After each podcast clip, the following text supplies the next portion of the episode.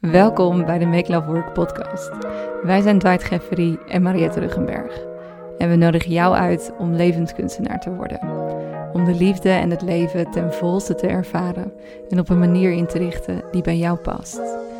In elk gesprek herstellen we het vergeten weten.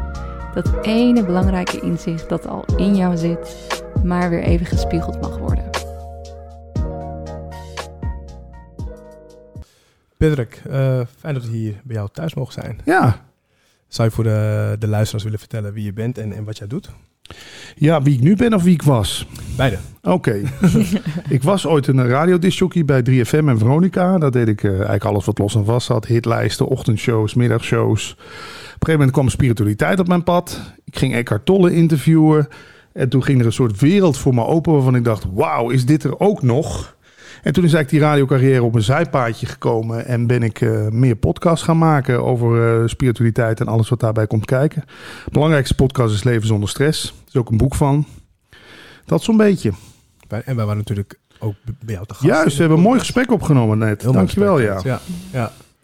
Ja, en één keer per week uh, lanceer jij gewoon hele prachtige gesprekken. Ja, luister je ze wel eens? Ja. Oh, oké, okay. ja, mooi. Ik heb ze niet allemaal, het is nee, niet bij te houden. och man, het zijn er bijna 400. het is een virus inderdaad, ja. maar fijn, uh, fijn dat we hier zijn. En ja. We gaan het in dit gesprek hebben over mannen en hun demonen. Wauw. Ja.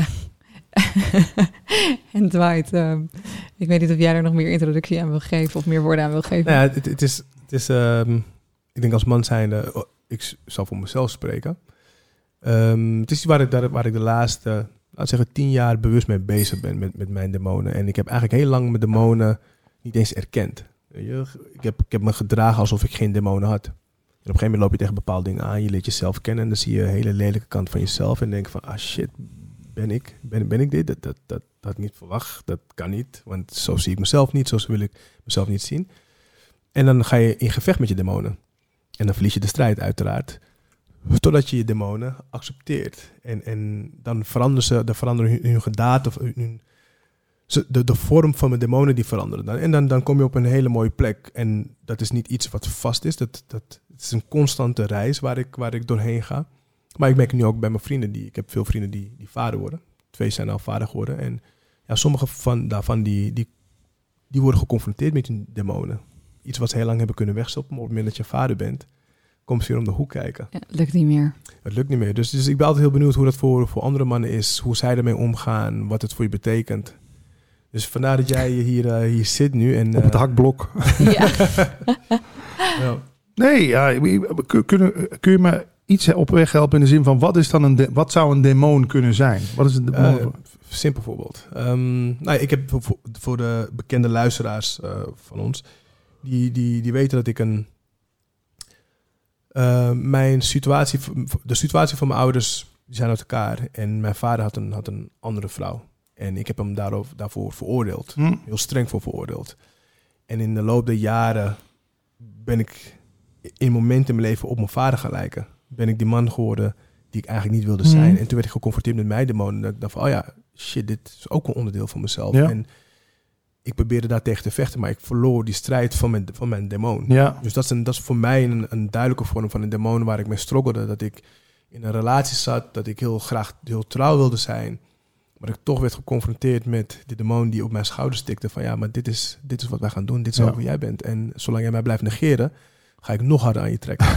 En ik kan er nog wel uitleg aan geven. Ja? Ik denk dat je hem dan heel specifiek kan beantwoorden.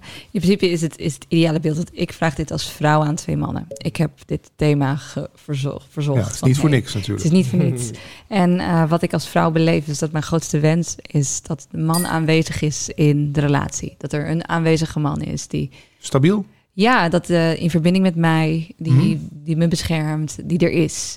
Dat is eigenlijk de grootste wens van een vrouw, de aanwezigheid van een man. Ja. Uh, en um, als vrouw merk ik dat mannen niet altijd aanwezig kunnen zijn. Dus of het lukt ze niet om echt in kwetsbare verbinding te zijn in Ja. een relatie. Of ze zijn met hun mind elsewhere of whatever. Dus in mijn beleving is het zo dat ieder man die heeft een demon. Die ervoor zorgt dat die man niet helemaal aanwezig is. Hm. En die demon kan zijn depressie. Die demon kan zijn verslaving. Ja. Die demon kan zijn vreemdgaan. Ehm, wat voor vorm van Ja. verslaving dan ook. En iedere man lijkt te strijden met een bepaalde demon. Hm. En wij als vrouwen die kijken dan zo aan de zijlijn. Zou hij het winnen en zou mijn man weer terugkomen? Ja. Even heel uh, hoog over geschetst. En niet kan ik hem hiermee helpen, want dat zou ik dan meteen denken. Ja, nou ja, dat, dat willen vrouwen natuurlijk. Maar ik geloof dat je dan in een relatie in een, in een verkeerde rol gaat gieten. Omdat je dan in de coachrol of in een ja. moeder-overste rol ja. gaat. En dat is uh, verneukeratief voor je relatie. Dus ik, dit is voor de vrouwen van... hey, iedere man in mijn optiek heeft een demon. Laat die man vechten met die demon. Dat is zijn battle, gun hem dat. Maar laat het ook, geef hem de ruimte. Vertrouw dat hij weer bij je terugkomt. Mm. En, en uh, wees aanwezig in die zin. Uh, wacht op je man met de open armen. Ik vind dat beeld heel mooi uit de Bijbel van Jacob die strijdt met die engel. Mm. Ja. Uh, en, en, en, zo heb ik, geloof ik dat iedere man ergens mee strijdt. En als je kijkt naar je vader bijvoorbeeld, wat was zijn demon? En um, hoe is dat wat voor invloed heeft dat gehad op je eigen leven? Dus Ja. dat zou dan een eerste hele concrete vraag zijn die ik aan jou wil stellen, Patrick. Van, Ja, ik voel een woord wel opkomen. Het woord is veiligheid. ja, Dat, dat, dat is eigenlijk al mijn hele leven een, eh, een, een thema. Ik ben opgegroeid met een alcoholistische vader. Een vader die dus inderdaad zijn eigen demonen eh, had. Ook heel angstig.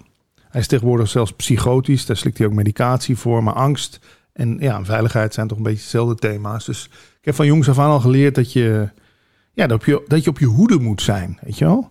Dus ik ben ook bijvoorbeeld, ik ga in een restaurant altijd in een hoek zitten. Zodat ik weet van waar word ik aangevallen of zo. Ja, zodat je overzicht hebt. Ja, overzicht. Daar is de deur. Daar is het toilet. Weet je, ik moet overzicht hebben. Nou, bij ons thuis was het ook soms een onvoorspelbare situatie. Was mijn vader de eerste helft van de dag was prima. Maar als hij gedronken had, zo rond avondetenstijd. Ja, dan kon hij heel onberekenbaar zijn. Dan hoefde ik maar verkeerd naar hem te kijken. Of mijn broer hoefde maar iets verkeerds te doen. En dan was het bonje. Dus, en na half negen, als zijn roesje was uitgewerkt van de alcohol, dan was het weer veilig. Dus ja, dat is mijn thema.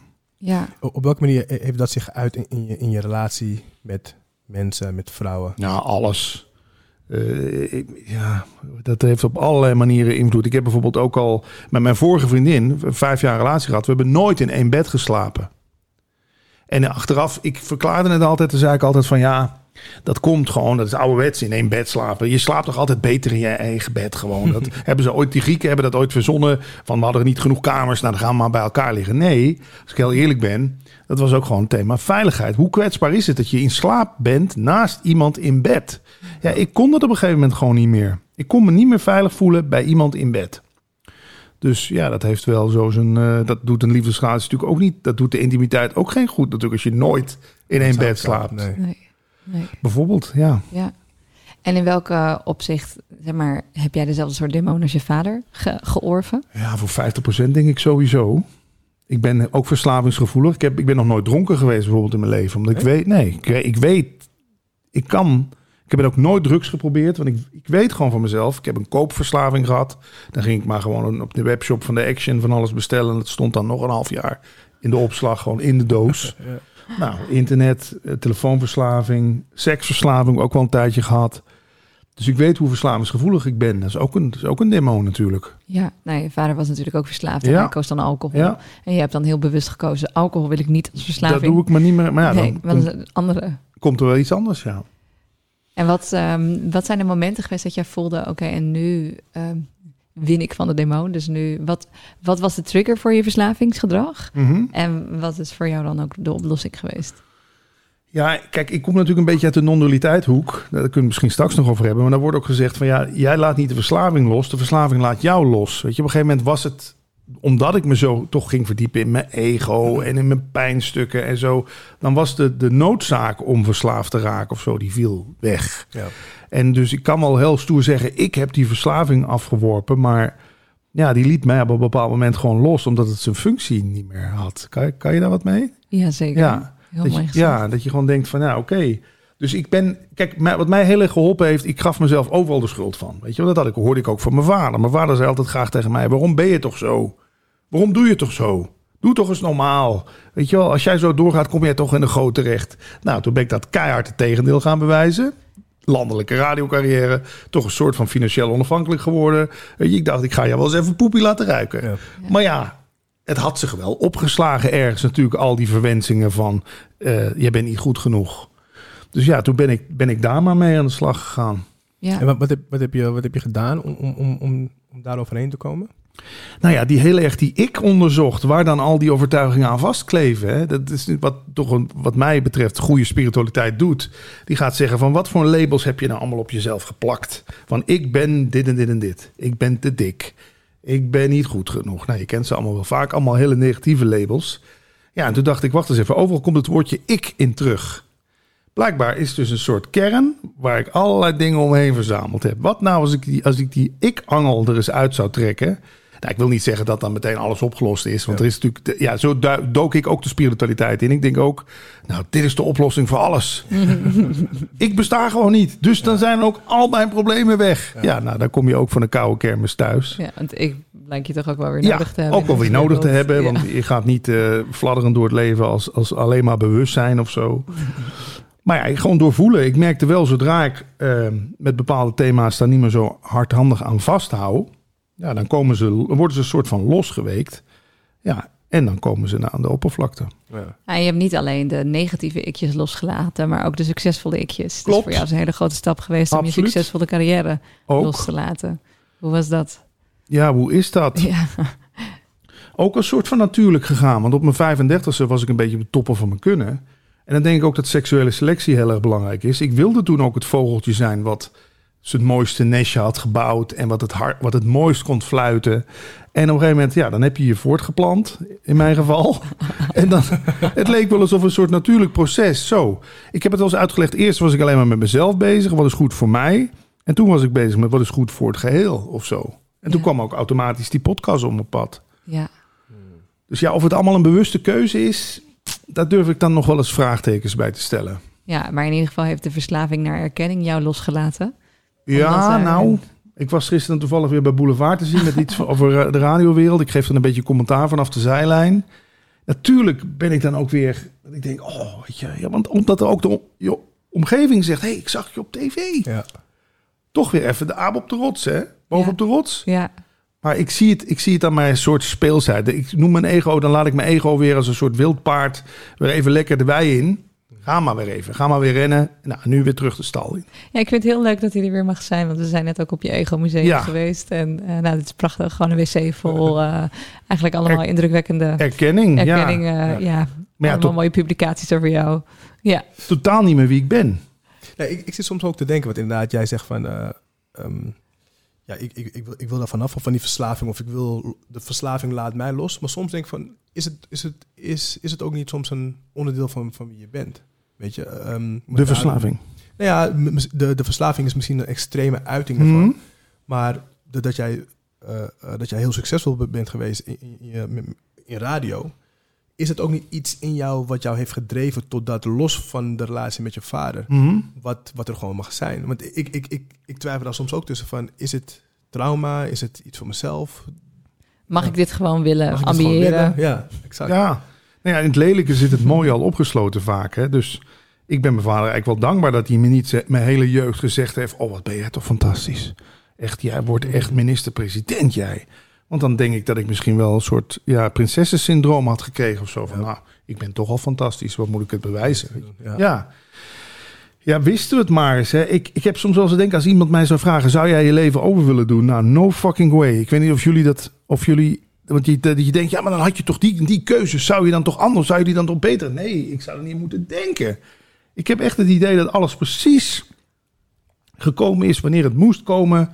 ge- En, en afgepakt is wanneer het afgepakt moest worden. Ik weet, ja, misschien hou ik mezelf Ja. dan wel mee voor de gek. Ja, ik begrijp wat je bedoelt. Maar en spijt dan? Met, met, inderdaad, ik heb precies hetzelfde van ik zou niks willen veranderen in mijn leven, maar ik, van sommige dingen heb ik wel spijt. Ja.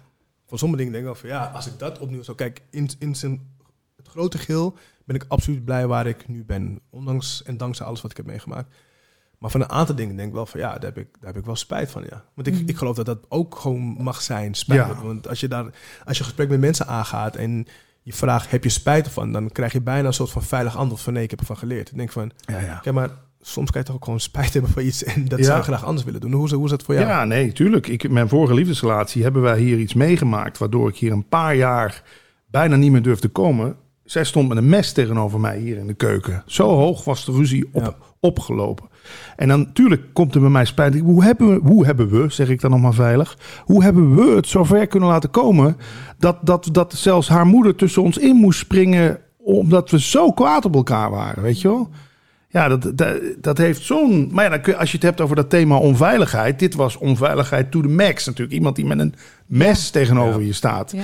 Dus dan denk ik ook van... Ja, heb ik het niet op de een of andere manier ook zo op de spits gedreven... omdat dat thema onveiligheid voor mij zo groot... dat het zo in mijn gezicht geduwd moest worden... totdat het fysiek iemand was met een mes. Ja. Ja. Dus maar ja, nee, ik heb achteraf dan wel denk ik... Ja, we hadden we toch, hadden we toch eerder uit elkaar... hadden we therapie gezocht, weet je. Maar ja, ik, ik ja, spijt. Ja, ik... eh, Ik vind dat lastig, want dan impliceert dat toch dat ik toen andere keuzes had kunnen maken. Maar ik werd inderdaad toen gedreven ook door mijn pijnen eh, of door mijn demonen. Die moesten blijkbaar zo zichtbaar worden. Ja. Dus ja, ik, ja, Dat is een goede, is wat je zegt over eh, als je anders had kunnen doen, had je misschien wel anders gedaan. Maar ik zit, ik zit dan te denken aan keuzes die ik in het verleden heb gemaakt. Mhm. Ehm, bijvoorbeeld het vreemd gaan. En er werd mij toen ook gevraagd, heb je spijt? Zei ik, "Ah, ik zou graag ja willen zeggen, maar ik heb een, het was een weloverwogen beslissing. Ja. Dus ik heb, ik heb niet zozeer spijt van de daad, want ik was er bewust bij, hoe dronken ook was. Mhm. Ik heb spijt van de, van de consequenties. Van, van Het doet me al- verdriet. Het doet me verdriet Ja. van wat er allemaal is Ja. gebeurd. Het is echt, een, echt een teringzooi geworden, om het even zo te Ja. zeggen. Ja, als ik dat had geweten. ja. Maar ik heb wel, de, de daad zelf was een weloverwogen beslissing. Dus ik heb geen spijt van de daad, maar ik heb spijt van wat ik heb aangericht. Ja, dat heb ik niet kunnen overzien. Dus ik denk dat, ja, wat dat betreft heb ik zeker wel spijt van een aantal dingen die ik heb gedaan. ja. En heeft, heeft, het, heeft, heeft jouw, uh, of jouw verslavinggevoeligheid of jouw gevoel van onveiligheid, als, je, als die verslaving jou loslaten, merk je dan ook dat de, de relatie met mensen of met vrouwen in je leven, dat dat ook verandert? In, in welk opzicht? Ja, nou, toen ik nog die soort van seksverslaving had, ja, toen was ik ook rupsje nood genoeg natuurlijk. Ik stuurde soms hetzelfde sms'je naar, naar vijf verschillende vrouwen. Ja, ken je dat? Ja. Ja, Je moest ook iets te hard lachen. kijken wie er hapt. Ja, maar dan wordt iemand gewoon een soort voorwerp. Hè? Ik, ik, toevallig eh, in een documentaire zit ik. Er is nu heel veel te doen op Netflix rondom een serie Jeffrey Dahmer. Dat is een man. Ja, Ja. heb je hem gezien? Ik heb hem gezien, ja. Ja, die man zag ook mensen niet meer als mensen, maar als, als lustobjecten die hij in zijn leven wilde toepassen. Want dat had hij nodig. Hij miste de aandacht van zijn vader en moeder of zo. Hij wilde iets om mee te knuffelen. En zo ben ik een tijd lang ook met mensen omgegaan. Het waren geen mensen, het waren objecten geworden. Ja. Maar dat is triest als je dat achteraf realiseert. Want daarmee heb ik natuurlijk ook harten gebroken en, en, en, en, en, en veel verdriet veroorzaakt. En ik ben zelf ook wel eens, denk ik, als object gebruikt. En ja, je weet zelf hoe, wat, dat, wat dat voor een gevoel geeft. Ja. Ja, dat is heel, heel naar. Dat, als je dit zo zegt, dan die, die, als je dan zo'n soort berichtje stuurt naar vijf en het zijn objecten, Ja. dan hoor ik daarin, ja, dan is er dus eigenlijk geen verbinding. Eh, dan verbind je ook niet met die persoon en dan is het eigenlijk dus een object. En Gabor Maté zegt dat altijd heel mooi, dat trauma ontstaat vanwege disconnectie. Dus je kunt nog zulke pijnlijke dingen in je leven meemaken. Op het moment dat dat gebeurt, wanneer er geen connectie is, dan wordt het trauma. Op het moment dat, dat, dat er iets pijnlijks is en dat gebeurt in verbinding, dan is het gewoon iets dat pijnlijk is. Ah, en dat lost dan vanzelf. En dat lost dan vanzelf op. op. Ja. En, eh, en, en wanneer je wordt overgenomen door een demon, dan, wat voor, in welke vorm dan ook, maar een verslaving of iets dat sterker is dan jij, Mhm. dan raak je volgens mij ook uit verbinding. En ik heb het idee dat dat dan eh, het, het meest giftige is. Mhm. Maar als het gaat over jouw liefdesleven, eh, ben je nu samen? Nee, nee, het is nu een maand of negen uit. En het is de eerste vriendin waar het gelukkig, even afkloppen, mee lukt om vriend, eh, bevriend te blijven. Ja. We hadden het zelfs voorzichtig nog over misschien samen weer naar eh, ook nog weer een keertje naar Curaçao te gaan. Ja, dat, dat, maar dat heeft de afgelopen negen maanden heb ik ook weer zoveel geleerd daarvan. Want zij heeft het uitgemaakt, daar ben ik heel eerlijk in. Ik, ik, ik riep ook al een tijdje van ja, ik ben blij dat zij het uitmaakt. Ik durf het niet uit te maken. Dat was ook zoiets. Want ik dacht, ik ben dan ook een man. Hè. Mannen zijn dan ook vaak praktisch. Ik denk ja, maar we, we kijken toch nog leuke series samen. En, eh, en we eten toch nog samen. En we gaan nog samen op vakantie. Dus waarom moeten we het uitmaken? Weet je wel? Totale. En ik, iets in mij voelde ook van ja, maar dit is gewoon meer een soort broer-zus-maatjesrelatie geworden. Wie zijn we nou eigenlijk voor de gek aan houden om dit nog een liefdesrelatie te noemen? Maar ik was, uiteindelijk ben ik haar dankbaar dat ze het heeft gedurfd om het uit te maken. En daardoor is ook, zijn de dingen weer veel meer in balans gekomen of zo. Het was ook, het was ook scheef gegroeid. Dus ja, ik heb af, wat ik zeg, de afgelopen negen maanden werd ik gedwongen weer. Bijvoorbeeld, ik had ook zo'n thema met de zaterdagavond. Ik weet niet of je dat kent. Als je op zaterdagavond alleen thuis zit, dan ben je een loser. Dat heb ik blijkbaar als 13, 14-jarige jongen verzonnen. Omdat mijn broer jaar ouder was en al op stap ging. Ik zat 14 jaar alleen op mijn kamer. Dus ik was een loser, want ik was alleen op zaterdagavond. Nou, dat thema bijvoorbeeld, die demon, is de afgelopen negen maanden regelmatig op zaterdagavond eh, de revue gepasseerd. En dan ging ik wel proberen krampachtig met mensen af te spreken, maar niemand had tijd. En dan zat ik hier alleen. Ja, want dat gebeurt ook uit verbinding Ja, natuurlijk. ja. Want je moet, je moet het doen. Ja, iemand je wil moet- het helemaal ja, niet. maar dat is toch ook erg. Ik heb dat ook wel eens gehad dat ik dan maar zomaar iemand uitnodig hier thuis om maar niet alleen te hoeven zijn. Ja, Weer iemand als object zien. ja. Jij moet mijn verdriet komen verhullen of mijn behoefte komen vervullen. Ja. Maar ja daar, daar, ja, daar kom je dan ook maar weer achter. En als je terugkijkt naar je relaties, is er dan een rode draad die je ziet? Nou ja, wat ik in onze podcast voor Leven zonder Stress al zei in het begin. Vaak ongelijkwaardig, maar dan echt op een manier dat je denkt... ik ben jou bijna aan het verafgoden en jij gebruikt mij als voetveeg. Maar ook andersom, ik gebruik jou als voetveeg en jij bent mij aan het verafgoden. Ja. Dat ik denk, ja, kan het dan niet eens een keer normaal of gelijkbaar? Maar gelukkig de laatste jaren is het wel... Ik bedoel, dan hebben we het echt over de laatste jaren is het wat meer in balans gekomen. Ja, want dat- de associatie als het dan gaat over onveiligheid die ik daarbij heb, is dat wanneer je zelf heel veel macht hebt, voel je je veilig. Eh, of de ander heeft te veel Ja. macht, waardoor jij je onveilig voelt. Dus dat is dan of een, een antireactie op, op je jeugd, of het herbeleven van de pijn uit je jeugd. Absoluut. Ja, Hoe, hoe is het voor jou als vrouw zijn als jij, ehm, als jij ziet dat jouw partner aan het vechten is met Mhm. demonen? ja, Want ik kan me ook voorstellen dat je, je hebt natuurlijk je eigen, je hebt je eigen geduld, je grenzen waarvan je denkt van ik vind het prima om te kijken hoe jij de, de strijd aangaat, maar ik ben er ook nog. Mhm. En, en ik blijf niet eeuwig wachten tot jij de strijd hebt gewonnen. Dus hoe is het voor jou als vrouw zijnde om, eh, om daarmee om te gaan? Ja, het is echt een geweldige vra- vraag. Dat is een vraag die ik ook elke dag aan mezelf stel. Ehm, ik stel ook wel eens de vraag dan aan me van... oké, maar zouden er mannen zijn zonder demonen? dus nee. Nee. ik kom altijd tot die conclusie... iedere man heeft zo zijn demon. Ehm, ik denk dat het voor mannen de grootste uitdaging is... om aanwezig te zijn, in welke vorm dan ook. En ehm, dat... ja, ehm, ze altijd een gevoel zullen hebben van ik schiet tekort. Mhm. Want ik ben niet altijd aanwezig, want ik heb met mijn demonen te vechten. En ik denk dat dat gewoon het programmaatje is wat een man heeft meegekregen. Ja. En als vrouw heb je het programmaatje meegekregen dat je, extre dat je bent gebouwd om extreme pijnen te doorstaan omwille van verbinding. Dus je baart een kind. Nou ja, het, je laat je gewoon je, letterlijk, je lichaam letterlijk open rijten omwille van verbinding. Dus wij zijn geprogrammeerd dat wij heel veel pijn kunnen verdragen omwille van verbinding. Nou, op Ja. wie word je dan verliefd? Op een man met een demon. Want je, wordt, je wil verliefd worden op een beest, want ja, je bent bereid om pijn te voelen voor een verbinding. En toch zie ik, toch zie ik heel veel ehm, vrouwen die bereid zijn om te wachten. Uiteindelijk misschien wel de grootste slachtoffers zijn in het hele spel. Zeker weten. Omdat ze te lang wachten. Ja, Of, ehm, of denken dat ze, ja, denken dat ze misschien ook een, een rol kunnen spelen in dat gevecht. ja, Terwijl het is een heel persoonlijk gevecht van ons als man zijnde met onze demon. precies. En, maar dan hebben zij toch het gevoel van, ja, maar ik ga je helpen. Ik, ik ga ervoor zorgen dat je deze strijd wint. En dan komen we er samen met z'n tweeën veel sterker uit. En dan denk ik van, ja, maar die, het is een gevecht waar jij hem eigenlijk niet zoveel bij kan helpen. Nee, en dat, daarin zeg je dus het meest essentiële. Dus ehm, ik, zeg maar, als het gaat over, zo heel, heel concreet gemaakt. eh, mijn partner heeft de demon depressie. Die maakt dat hij gewoon af en toe helemaal wordt overgenomen door die donkerte en niet dus aanwezig kan zijn. En ik kan daar dus verder niets tegen doen. Ja. Eh, op het moment dat ik ga lopen coachen of de moeder overste gaat zijn, dan geef ik mezelf te veel weg. Vertrouw ik ook niet in hem, in dat hij die battle kan winnen. Ja. En dan kom je met elkaar in een ongezonde dynamiek. Dan wordt het dus, zoals jij ook zegt, ongelijkwaardig. Ja. Want ik ga dan boven hem staan, want Ja. ik ga hem helpen. En ehm, als het dan de vraag is van, nou, als je een partner hebt met verslaving, of het nou een verslaving is aan alcohol, gokken, of het nou eh, een partner is met depressie, of het nou een partner is met pornoverslaving of werkverslaving. Iedere man heeft zo zijn eigen demon. Ehm, wanneer is het als vrouw dan tijd om te vertrekken?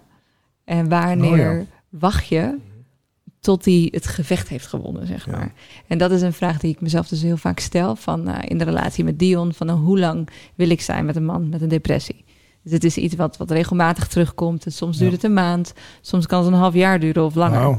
Dus dat is echt heel verschillend. En ehm, Mijn antwoord is dat iedere vrouw een heel diep intuïtief weten heeft.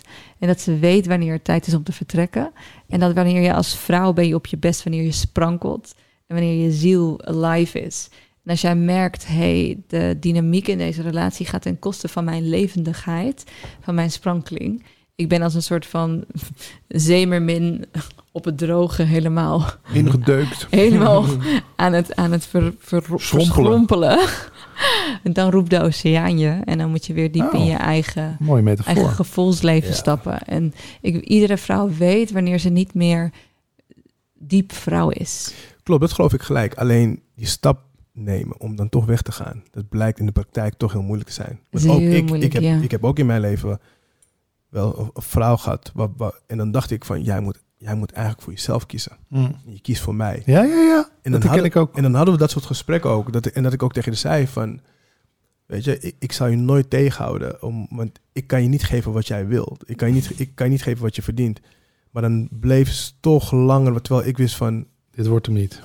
Ja. Dit gaat hem niet worden. En kies voor jezelf. Dus, dus, en zij voelde het zelf ook al aan. Maar die stap nemen om toch weg te gaan... blijft een moeilijk ding. En Pet, ik zie jou knikken. Dat heb jij dus Ja, nee. ook...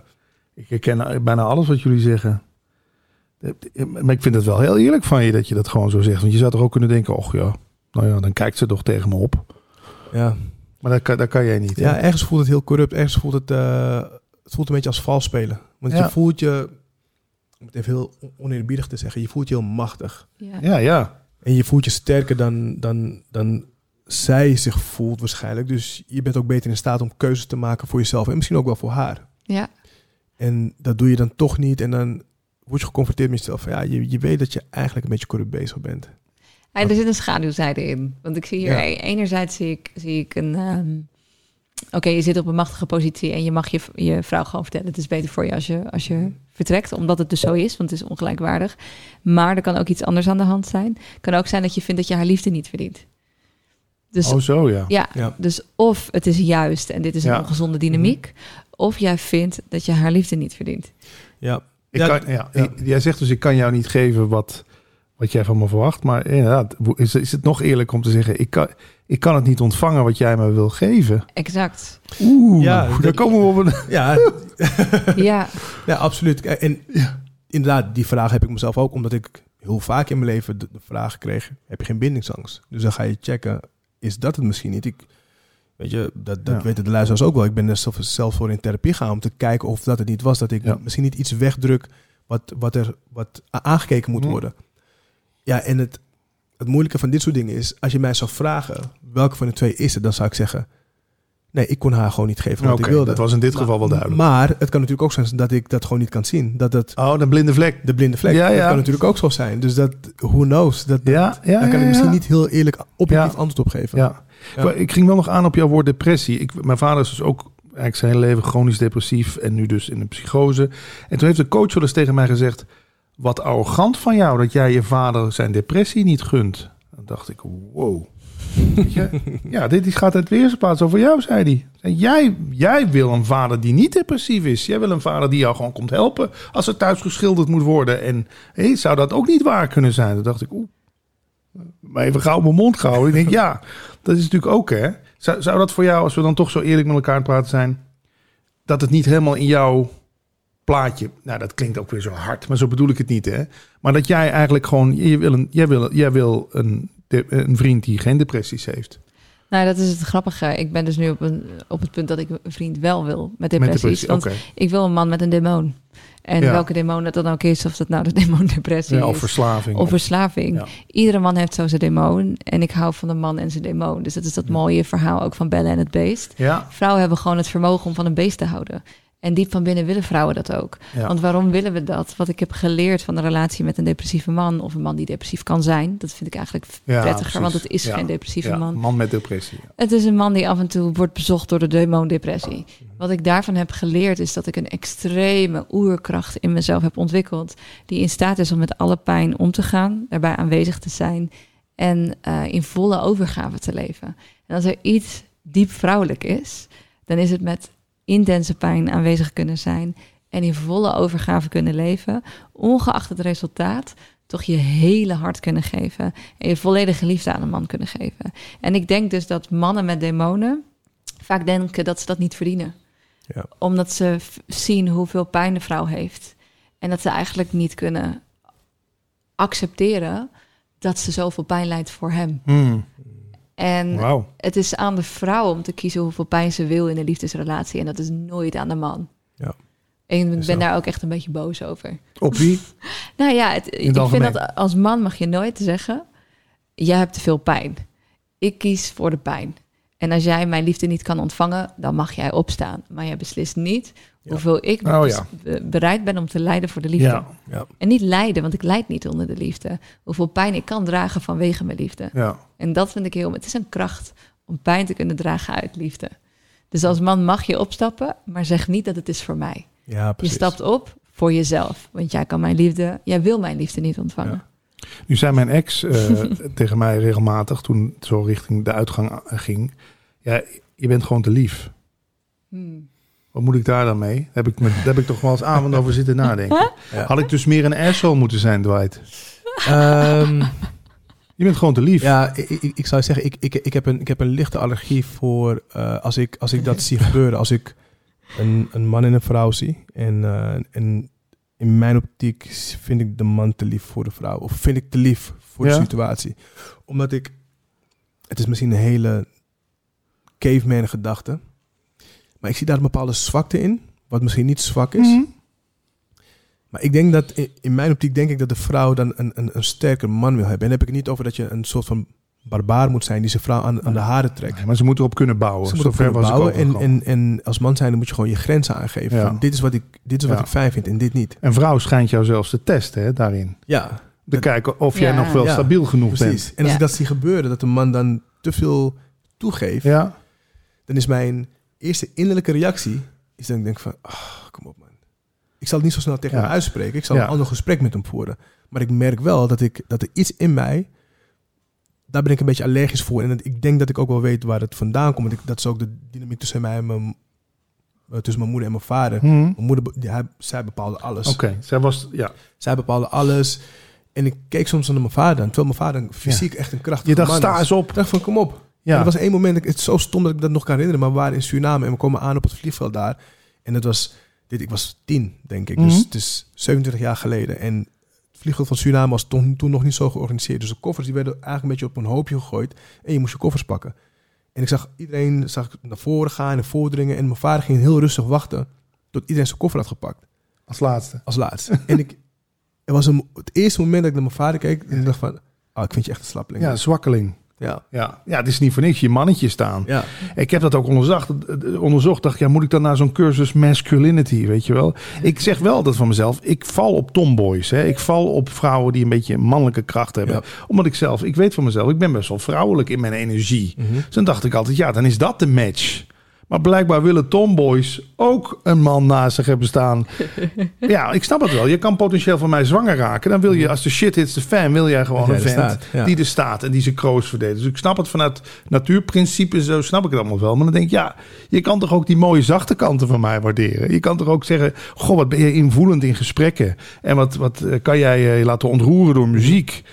Maar ja, dat geldt dan ineens meer niet meer. Maar eh, heb jij, heb jij dan in je relaties soms wel eens gevoeld van... oh, ik ga nu eigenlijk mijn grens over, maar zij is gelukkig, dus ik laat het maar gebeuren. Zeker. Ik, had, ik, had, ik heb ook van de laatste keren dat we nog echt lief voor elkaar waren... was nadat ik hier een keer echt tegen haar opgestaan was... en gewoon gezegd heb van nou, tot hier en niet verder, weet je Ja. wel.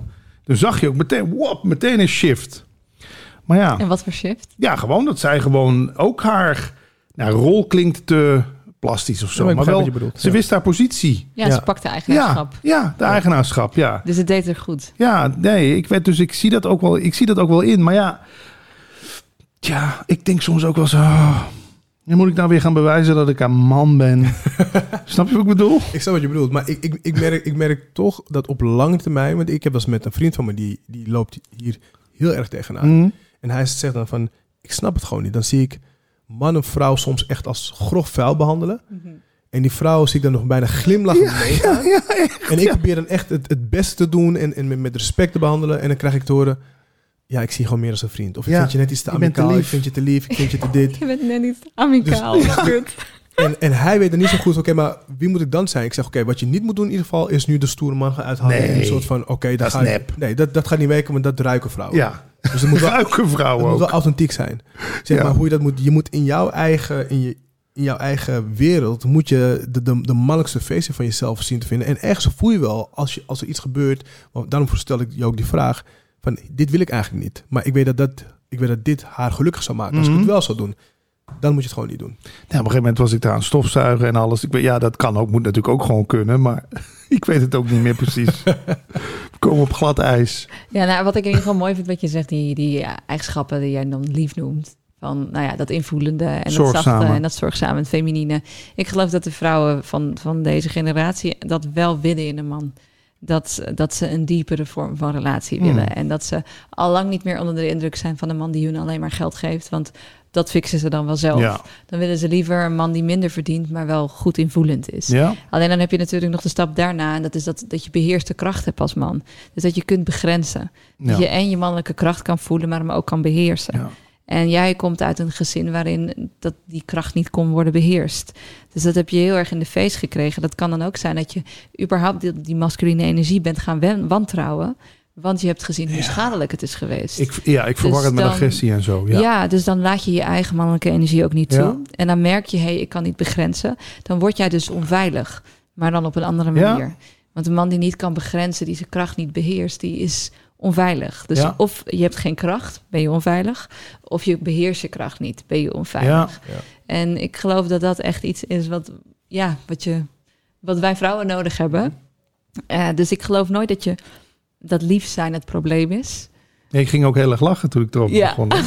Jij kent dit. Ja, ja. En, ehm, want dan, je, moet, je zou nooit moeten gaan gedragen naar beelden van oké, ik mag niet een te lieve man zijn. Nee. Want dat is, dat is niet wat vrouwen willen. Nee, je mag zo lief zijn als je zelf Ja. wil. Eh, en tegelijkertijd vanuit strenge liefde noem ik dat kunnen begrenzen. En dat is eh, een man die gaat, nou ja, toneelspelen, dat ruiken vrouwen. Mhm. Dat, dat, zei, dat zei Dwight ook al. Ehm, maar ja, ik denk dat, dat je jezelf als man ook mag gunnen om die weg te lopen naar dat beheersen van je kracht. Want ja, hoe eng is het als je de destructieve kracht hebt gezien van die masculine energie, om dat dan wel weer helemaal in jezelf op te roepen en te leren beheersen. Ja. Want jij hebt het wel eh, gehad over het, eh, het temmen van het paard. Noem je, noem wilde je paard, het ja, ego, temmen van- ja. ja, maar dat gaat dus ook, dat kan je dus ook kopiëren over het temmen van die masculine kracht. Ja, mooi gezegd. Dus je kunt het al wel. Ja, ja, het zal er ongetwijfeld wel in zitten. Maar, maar ik, bij mij werd het ook een soort please gedrag. En dat is natuurlijk nooit goed. Hè? Dat, je, Nee. dat je bijna de liefde van een vrouw probeert te kopen inderdaad. Door maar heel attent te zijn. En door maar... eh, ja, dan geef je jezelf eigenlijk ook weg. Ja.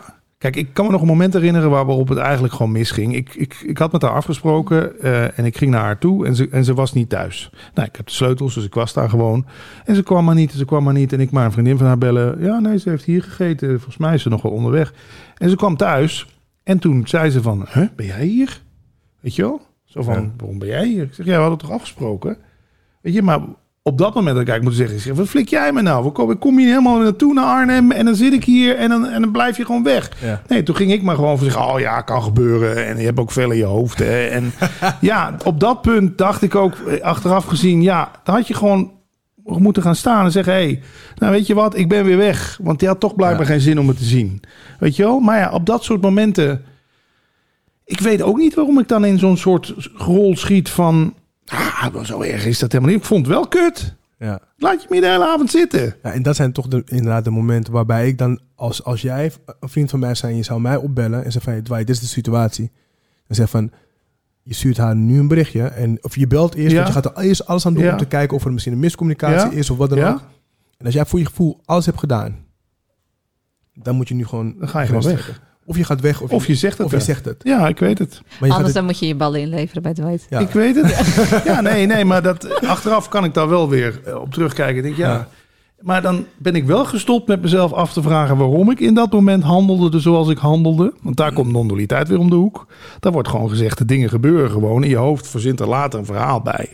Ik kan er nu wel op terugzien dat dat gewoon niet op dat moment het juiste was om te doen.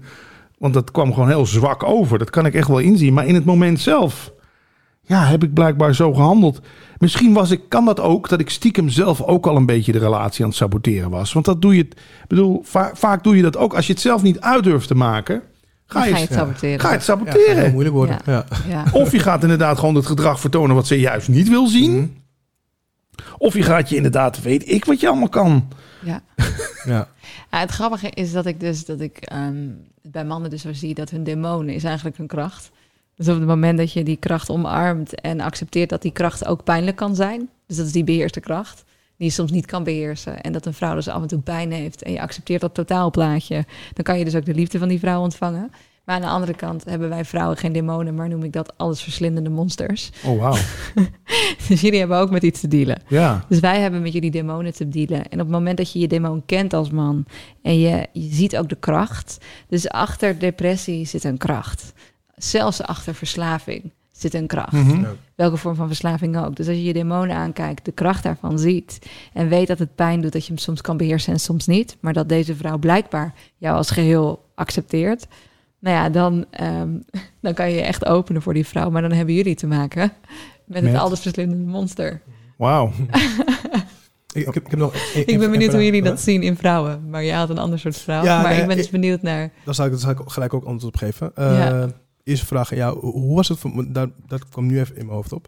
Hoe was het voor jou om, eh, om met je vrienden hierover te praten? Over bijvoorbeeld als je je dan niet... Als je als een vrouw jou, jou te lief vond. Of als je zelf voelde van... Ah, weet je, er gaat een, ze gaat mijn grens over. Terwijl ik... Ja, dat deed ik bijna niet, want daar schaam je je natuurlijk ook op een bepaald Ja. niveau voor. Ja, ja, ja. Dus ik ging het allemaal weer anders uitleggen of zo. Oh god, dat is er toch altijd een waar hoofd. Of, eh, Hmm. Ja. Of ik ging er met mijn moeder over praten. Dat is natuurlijk nooit een goed idee. ja, nee, want die komt vanuit een positie... ja. Ja, daar kunnen we een hele andere podcast over vullen. Ik bedoel, heel, het is een super lieve vrouw. Kijk, mijn moeder zou mij nog boterhammen komen brengen... als ik in de gevangenis zat voor een, voor een eh, seriemoord. ja. Dan zou ze nog broodjes voor me komen smeren. Dus mijn moeder, haar, mijn moeder, haar liefde is onvoorwaardelijk. Maakt niet uit wat ik doe, ze houdt van me, weet je wel? Dus als ik daar met haar over zou praten, dan denk ik, ja, dan krijg je ook een antwoord waar je eigenlijk niet zo gek van mee veel komt. wijzer. Dus ook een boekje de momtest. Dat De is- momtest? Ja, dan zeggen ze dat het een klein uitstapje hoor. Maar dan zeggen ze dat je, als je een business idee hebt, dat je dat nooit aan je moeder moet vertellen. Want Nee, die dat gaat sowieso prachtig. zeggen, Ja, oh dat is fantastisch. fantastisch, dat moet je doen. Ja. Ja, dus Ja. het gaat over het stellen van vragen op een manier aan Ja. iemand dat, je, dat iemand niet een sociaal wenselijk antwoord Ja. geeft, wat je moeder zou doen. Dus dat is de momtest, dat je vraag zou moeten stellen dat het de momtest overwint. Maar goed, dat was even een zijstapje. Nee, we komen wel op iets Maar- interessants. Want, en dan, maar dat past hier mooi in. En dan komen we op de monsters. Hè. Vroeger, ik moest naar school. Ik had zo'n dikke pukkel op mijn neus. Ik kom beneden, ik zeg tegen mijn moeder, ik ga niet naar school. Ik zeg, moeder, hoezo ga je niet naar school? Ik zeg, heb je die pukkel op mijn neus gezien? Zei mijn moeder, pukkel? Ik zie helemaal geen pukkel. Nou, ik naar school. Wat denk je wat het eerste wat ik te horen kreeg? Wat heb jij op je neus? Je, kom kijken wat Patrick op zijn neus heeft. Nou, vanaf dat moment vertrouwde ik mijn moeder dus gewoon niet meer. Hè? Want die loog tegen mij Ja, onder het noemen van liefde. liefde. Ja. En dat heeft mij best wel wantrouwend naar, naar mensen toe gemaakt. Dat ik denk, ja, geef me maar die rauwe waarheid. Van, je hebt een pukkel op je neus, maar je gaat gewoon naar school. Snap je een beetje wat ik bedoel? Ja, ja, Dit is onder andere het monster van de vrouw. Om maar, Mm, nou, kijk, het monster van de vrouw noem ik allesverslindende liefde. ja, En eh, je kunt dus ook dingen bedekken onder de mantel der liefde. Ja. En dat is dit. En Ja. dat is dus niet gezond. nee. Dus als vrouw moet je gewoon, dus wanneer je ehm, in een, in een, wanneer je dus samen bent met een man en die demon neemt het over en onder het mantel van de, man, de mantel der der liefde, liefde. bedek je alles, Ja, dan ben je dus eigenlijk niet dienend aan die man, want die man heeft zo'n pukkel. ja. Maar jij doet alsof de pukkel de demon niet is. is. Ja. Ja. En dat is niet dienend voor die man. Dus je moet wel als vrouw eh, rauw en eerlijk kunnen zijn over de demon en over het impact van de demon. En ook heel rauw en eerlijk naar jezelf. Is het voor mij nu niet te pijnlijk geworden? En ben ik niet eh, mezelf aan het verliezen? En Ja. is hij zichzelf nu niet aan het Ja. verliezen? Dus dit is het, het- een van de uitingen, uitingsvormen van het monster van de vrouw... is alles onder de mantel der liefde bedekken. Ja, wow. dat is ook, nu ik, nu ik dit zo hoor, dat heb ik best wel vaak gevoeld. En dat ik daarom misschien ook wel zei van, weet je, ik zal je niet tegenhouden als jij voor jezelf kiest. Want Precies. ik vertrouwde niet waarom zij bleef. Ja, Ah. maar dan is zij dus die pijn die zij heeft... daar is Ja. ze dan eigenlijk mee uit verbinding gegaan. Exact. Maar wat er vaak werd gezegd is van, nee, ik weet heel goed eh, wat ik aan kan. En als het voor mij, als ik, als ik het niet meer leuk heb Ja, of dan wat dan ga ook, ik wel. dan ga ik wel. Maar ik voelde wat anders. Ja. Dus dan ging ik het ook expliciet zeggen. Van, hé, maar weet je, Goed dat je dat voelde. Ja. En ik denk dat iedere vrouw dat gewoon heel goed bij zichzelf eh, na moet gaan. Van ben ik, eh, ben ik dingen onder de mantel der liefde aan het bedenken? Mhm. Eh, ben ik mezelf aan het vertellen dat ik met deze pijn om kan gaan?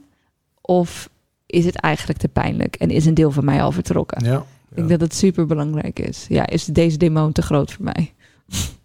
Is de pukkel iets too obvious? Ja. Wat, wat ik eigenlijk vergeten ben aan jullie te vragen in die vorige podcast die we opnamen voor Leven zonder Stress, is wanneer weet je nou, want ik denk soms ook dat ik met sommige relaties twee, drie jaar lang te lang ben doorgegaan. Maar of geloven jullie daar niet in? Geloven jullie in dat een relatie precies zo lang duurt zoals die moet duren? Je zou aan de ene kant ja kunnen zeggen, omdat dingen moeten gaan zoals ze zou moeten gaan. Maar nee, ik, ik, heb, ik, ik geloof zeker dat ehm, mensen soms te lang in een, in een relatie blijven. Ja. Echt jaren dus. Ja, Ja, ik geloof er ook in. Dat je te lang kan blijven en dat het beschadigend is. Maar ja, Ja. uiteindelijk kun je alles wel weer herstellen. Ja, weet je dat zeker? Want ik denk soms ook wel eens, ik ben gewoon nu een soort schadegeval na zoveel relaties en ervaringen. Dat ik denk, nou ja, blijkbaar ben ik er gewoon niet goed in in relaties. Laat ik dat hoofdstuk maar gewoon dichtslaan. Ik hou het bij vriendschappen, daar ben ik veel beter in. Hmm. Denk je, dat- wat geloof je zelf? Denk je dat je nog te herstellen bent? Nou, daar moet, daar moet, daar moet veel voor gebeuren. Want w- welk gedeelte bij jou ga- gaat, Eerlijk? zorgt ervoor dat het misgaat? Is er een soort van één, is er één thema? Ja, toch komen we aan het begin terug. Veiligheid. Ja. Dat gewoon, ik, voel- ik voel me gauw onveilig. En dan ga ik of inderdaad pleasend gedrag vertonen. Of heel erg controlerend gedrag. Ja, ja, ja. Dat ik het niet eens meer kan verdragen als ik met mijn rug hier naar de kamer toe sta. En iemand loopt spontaan de keuken in, weet je wel? Ja. O, al is het om een knuffel te geven. Dat ik daar zelfs al van schrik. Ja. Dan denk ik, ja, potverdorie zeg. dat is die beheerste kracht die dan toch ontbreekt. Ja? Ja, Dat je gewoon je mannetje staat. ja.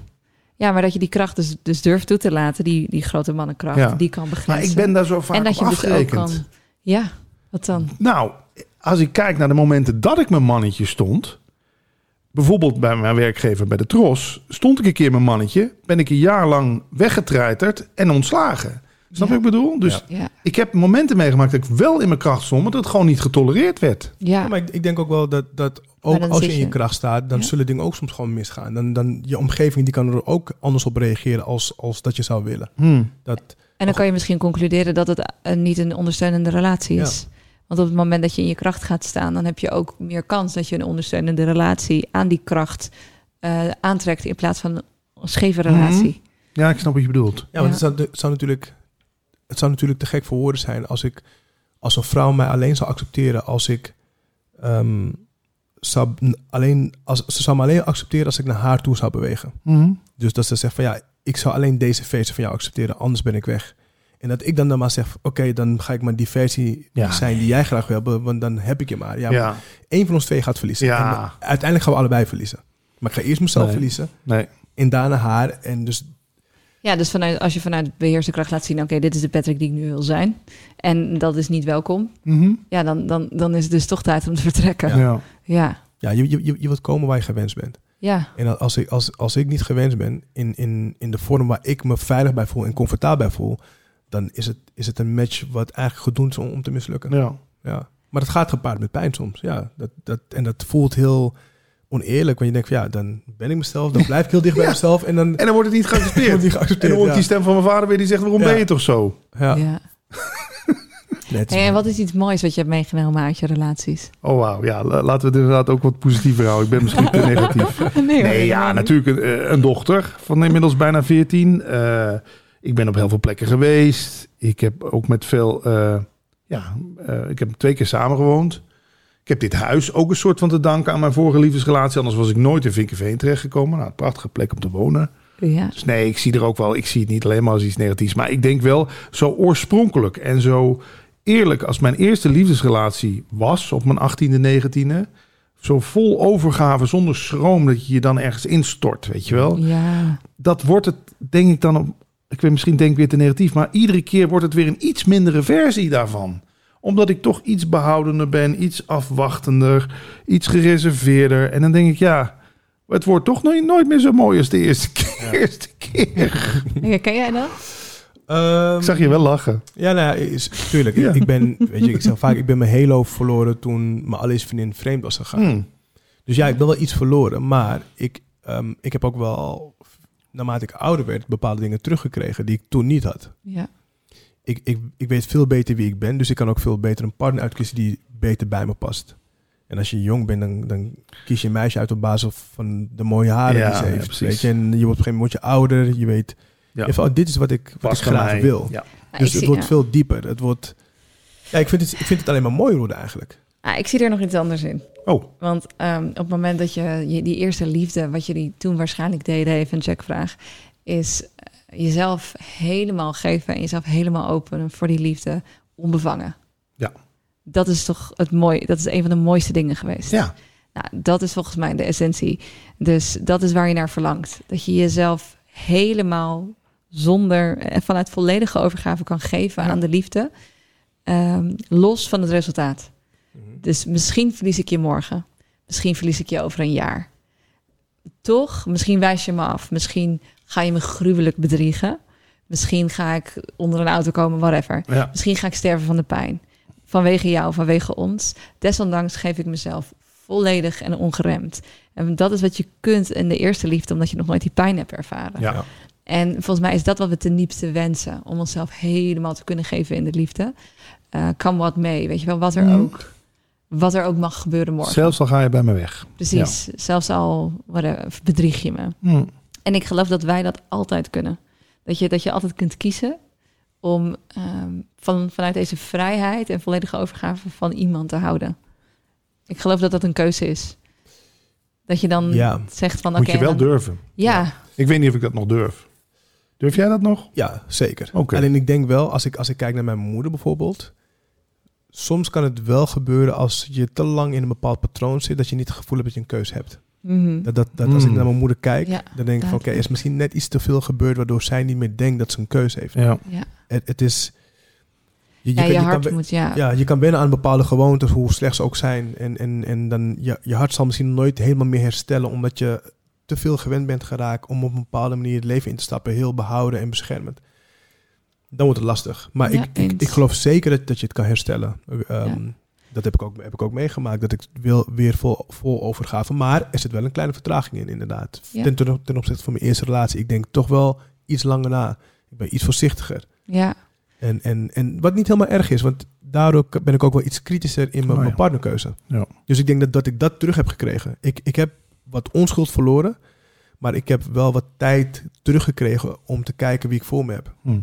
Waardoor mijn, mijn partnerkeuze eigenlijk nog beter is als mijn allereerste relatie. Want het is wat dieper. Ja, dus eigenlijk ben je al een soort van potentiële bedreigingen aan het kennen of, of gevaren. Dus je kijkt naar wat is een, misschien een veiligere keuze voor mij Ja. om te maken.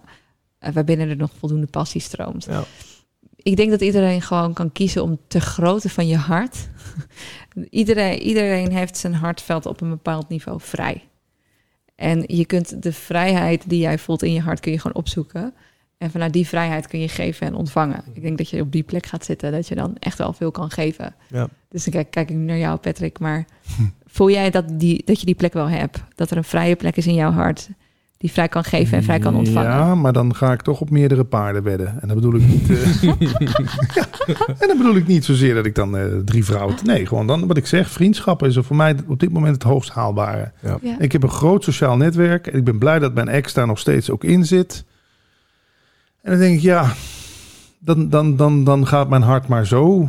Ja, maar dat is, dat is vrij. Ja. En Ja. ja, daar komt ook nog eens bij. We hebben het onderwerp seks nog niet eens besproken. Maar je zit hier met iemand. Ik heb toch al zeker een jaar of drie geen seks meer gehad. En ik, ja, en ik mis het totaal niet. En dan praat ik daar met spirituele leraar over. Zeggen ze, ja, dat hoort wel een beetje bij je proces, zeggen ze dan. Dat je op een gegeven moment gaat inzien dat seks...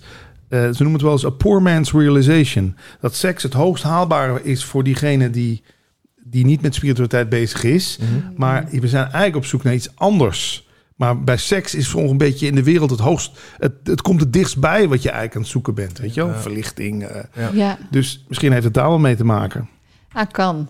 Ja, ik, ik kan op verschillende manieren seks hebben. En zeg maar, soms zeg ik wel eens de grap van... ehm, eh, de reden dat ik hier op aarde ben, zeg maar... Als, als je dan zeg maar, bij de hemelpoort staat en je mag kiezen als ziel... van gaan we nog een keertje, gaan we nog een rondje aarde doen of niet? En dat ik dan soort van denk, nou ja, oké, het eten is wel lekker en ik kan seksen. Oké, laten we het toch maar een keertje weer doen.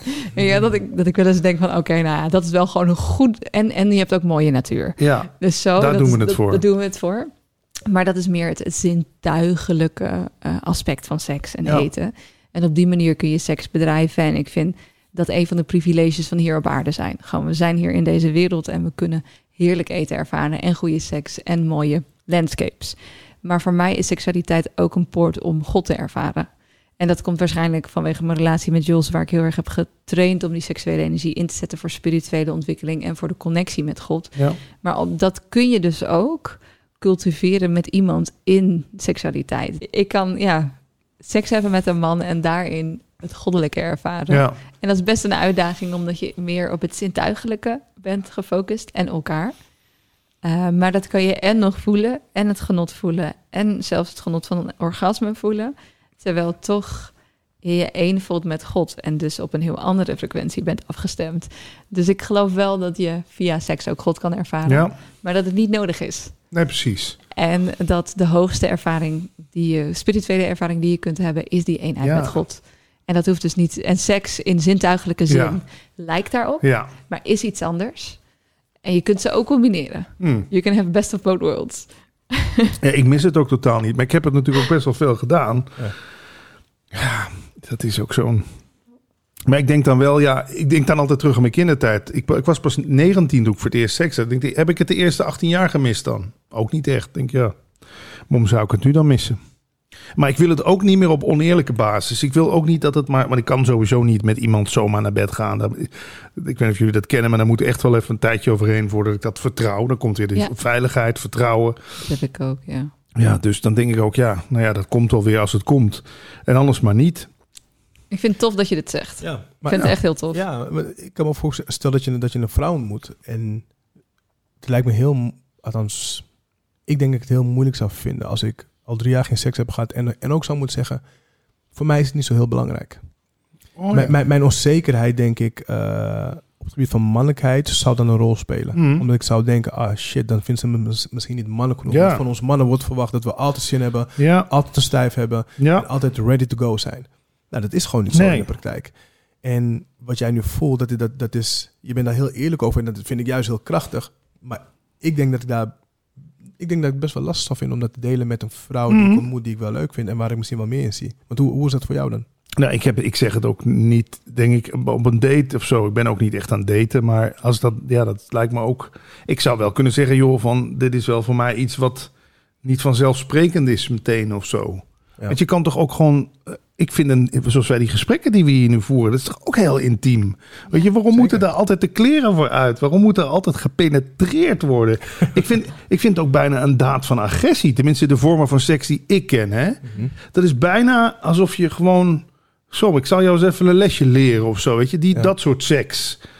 Ik kan me ook een keer seks met een ex herinneren. Dat ik denk, ja, dit is, dit is, dit. Je zou je gewoon aangifte voor kunnen doen. Snap je wat ik bedoel? Dit is zoiets iets, iets wilds en iets wat je het hebt over beest, beestachtigs. Ik denk, ja, maar wat is hier nou weer de bedoeling van? Ja. Ja. Maar dat, dat, dat, dat mag er ook zijn. Ja, tuurlijk. Ja. Nee, blijkbaar vond zij dat ook, want ze genoten ervan. maar ja, ja, het is... Ik weet het niet. Heb je voor jezelf ontdekt hoe het komt dat die behoefte is verdwenen? Of is het gewoon zo gelopen en je bent eraan gaan wennen en toen kwam je erachter Ja. van, nou, ik vind het eigenlijk wel heel fijn. Nou, ik denk dat porno daar ook wel een rol in gespeeld heeft. Gewoon toch een soort van dat mijn brein door porno ook een soort van. En dat vind ik soms wel eens jammer. Maar ja, draai het nog maar eens terug. Kijk, vroeger werd je, werd je als, als jonge jongen nog opgewonden van een blote borst of zo. Maar ja. ja, nu met alles wat je op dat internet gezien hebt. Dat je denkt, ja. Ja, je wordt een beetje afgestompt. Ja, Ja. Dat dat brein blijkbaar. Het heeft ook allemaal met dopamine en zo te maken, geloof ik. Dat dat, dat pas als er een, als er een blik vrouwen. Vier op een rij opengetrokken wordt. Eén blond haar, bruin haar. Weet Ja. je wel. En dan ook nog met alles. En, dan, en dat dan, ja. Dan pas hoe Ja. ja. het wakker, ja. Ja, ik had, het met vrienden, ik had het met vrienden laatst over, inderdaad, over porno. Ik ben op hele jonge leeftijd met porno in aanraking gekomen. En ehm, we we spraken toen daarover van wat voor effect het op ons heeft gehad. Wat wij denken, wat voor effect op on- ons heeft gehad. En dacht van ja, ik moet wel zeggen, wat jij net zei. Vroeger had je op SBS 6, had je na 11 of zo, had je van die, van, van die, ehm, ja, dan kon je dan bellen naar een vrouw en dan, dan weet je, en dan zag je een halfnaakte vrouw. Ja, ja, En dat was voor mij al alles. Ja, ja, ja. Meer had ik niet nodig. Ja, ja, En nu, als ik dat zie, dan regisseer ik het waarschijnlijk niet eens meer. ja. Door alle porno die ik heb gezien. Ja. Gangbangs en tot, tot, tot de Ja. gekste dingen. denk ik van ja, eh, dat, dat, dat, ik, heb- ik heb niet eens door dat ze naakt is, bij wijze van. Dus ja, het, het doet absoluut wel iets met je. En, en eh, we, we hadden toen ook een challenge om... ehm, dat was, moesten we 30 dagen geen porno kijken, Niet masturberen. niet masturberen, niks. Om te kijken hoe we ons zouden voelen. Mhm. En wat, wat mij toen opviel, was dat ik heel erg ging wennen aan het n- niet klaarkomen. Mm. Dus dat je het in het begin mis je het en op een gegeven moment mis je het niet meer. En dan, dan ja, denk ik van oké, ja, shit, eigenlijk is het helemaal niet zo belangrijk. Ja. Maar daarvoor was het voor mij, ik trok me af puur omdat hij er was. Ja, ja, ja. Niet zozeer omdat het geil was, maar ik dacht van, ja, je bent er toch. ja, dan ja, doe maar. Je bent er nu toch, ja. Ja.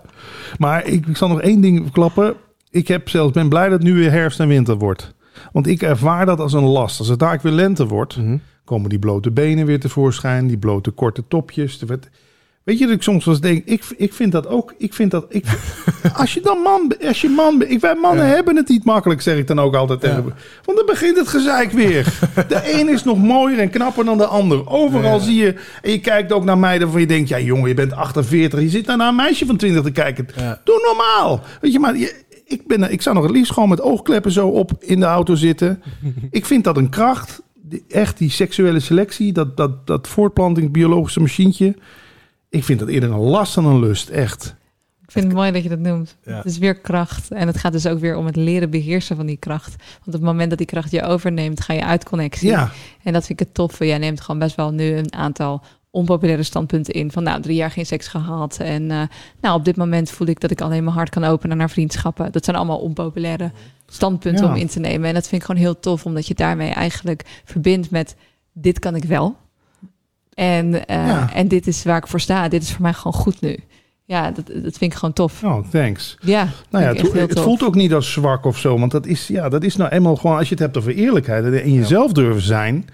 Want ik, moet er toch niet aan denken dat ik, daar, dat ik nu weer geforceerd een relatie zou beginnen. En dan kom je inderdaad op dat moment dat je voor het eerst in bed ligt. Ja, nee. En, en dan moet je presteren toch een soort van als man. Tenminste, zo voelt het dan even voor Ja. mij. En dan, dan weet ik nu al, dan lukt het niet. Nee, Echt maar niet. dan ga je daar al uit verbinding Ja. met jezelf. Dus dat Ja. heeft gewoon geen zin. Gaat gewoon niet. Nee.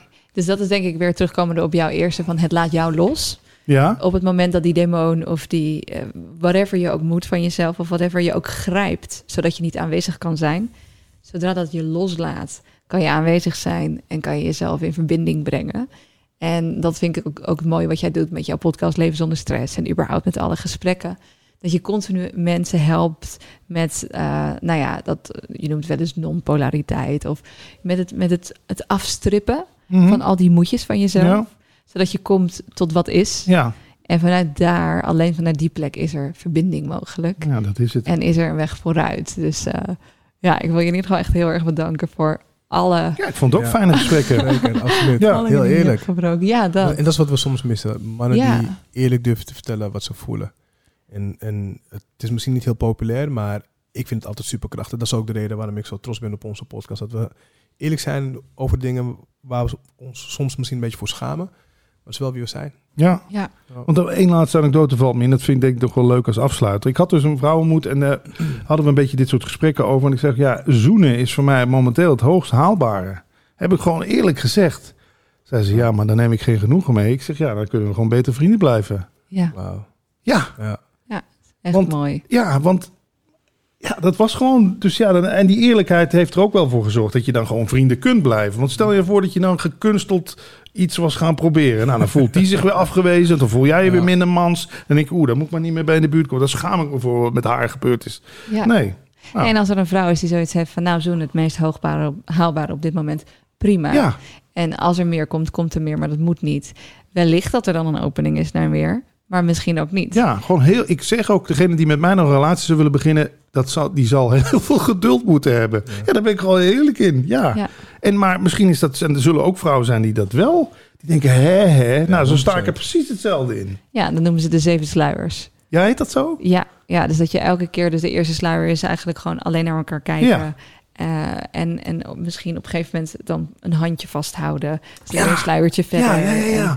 En, eh, een kus op de bank. Ja. Maar zoenen is al heel veel Ja, sluiers ja. Zeker tongzoenen. Ja, Ja.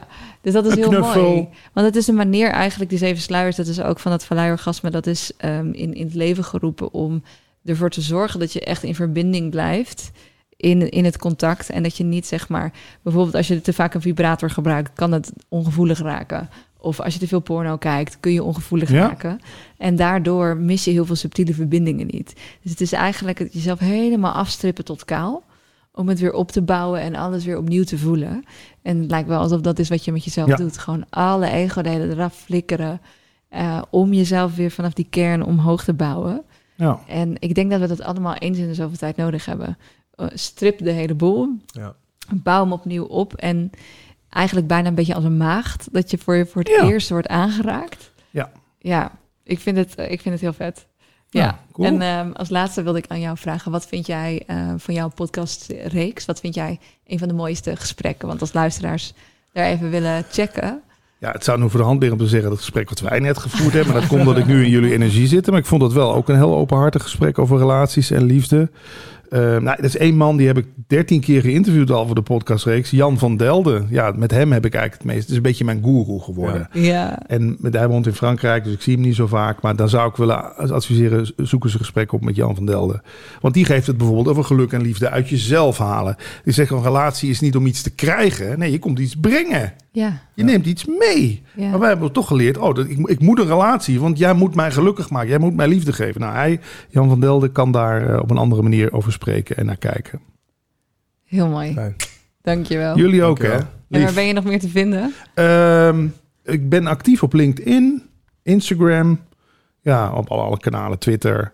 Maar ik- van mij zul je wel, en dat is ook alweer leuk, vier versies tegenkomen. Ik, er is de versie die inderdaad heel graag dit soort gesprekken voert.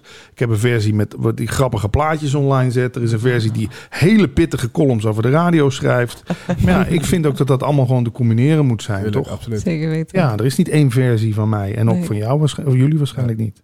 Zeker niet. Dankjewel. Jullie ook. Mooi. Stel dat je dit een mooi gesprek vindt. Eh, heel fijn als je de podcast-episode deelt en abonneert op ons kanaal. Dat helpt ons met onze zichtbaarheid, maar ook met onze missie. Want hoe meer mensen delen, hoe meer liefde we met elkaar verspreiden.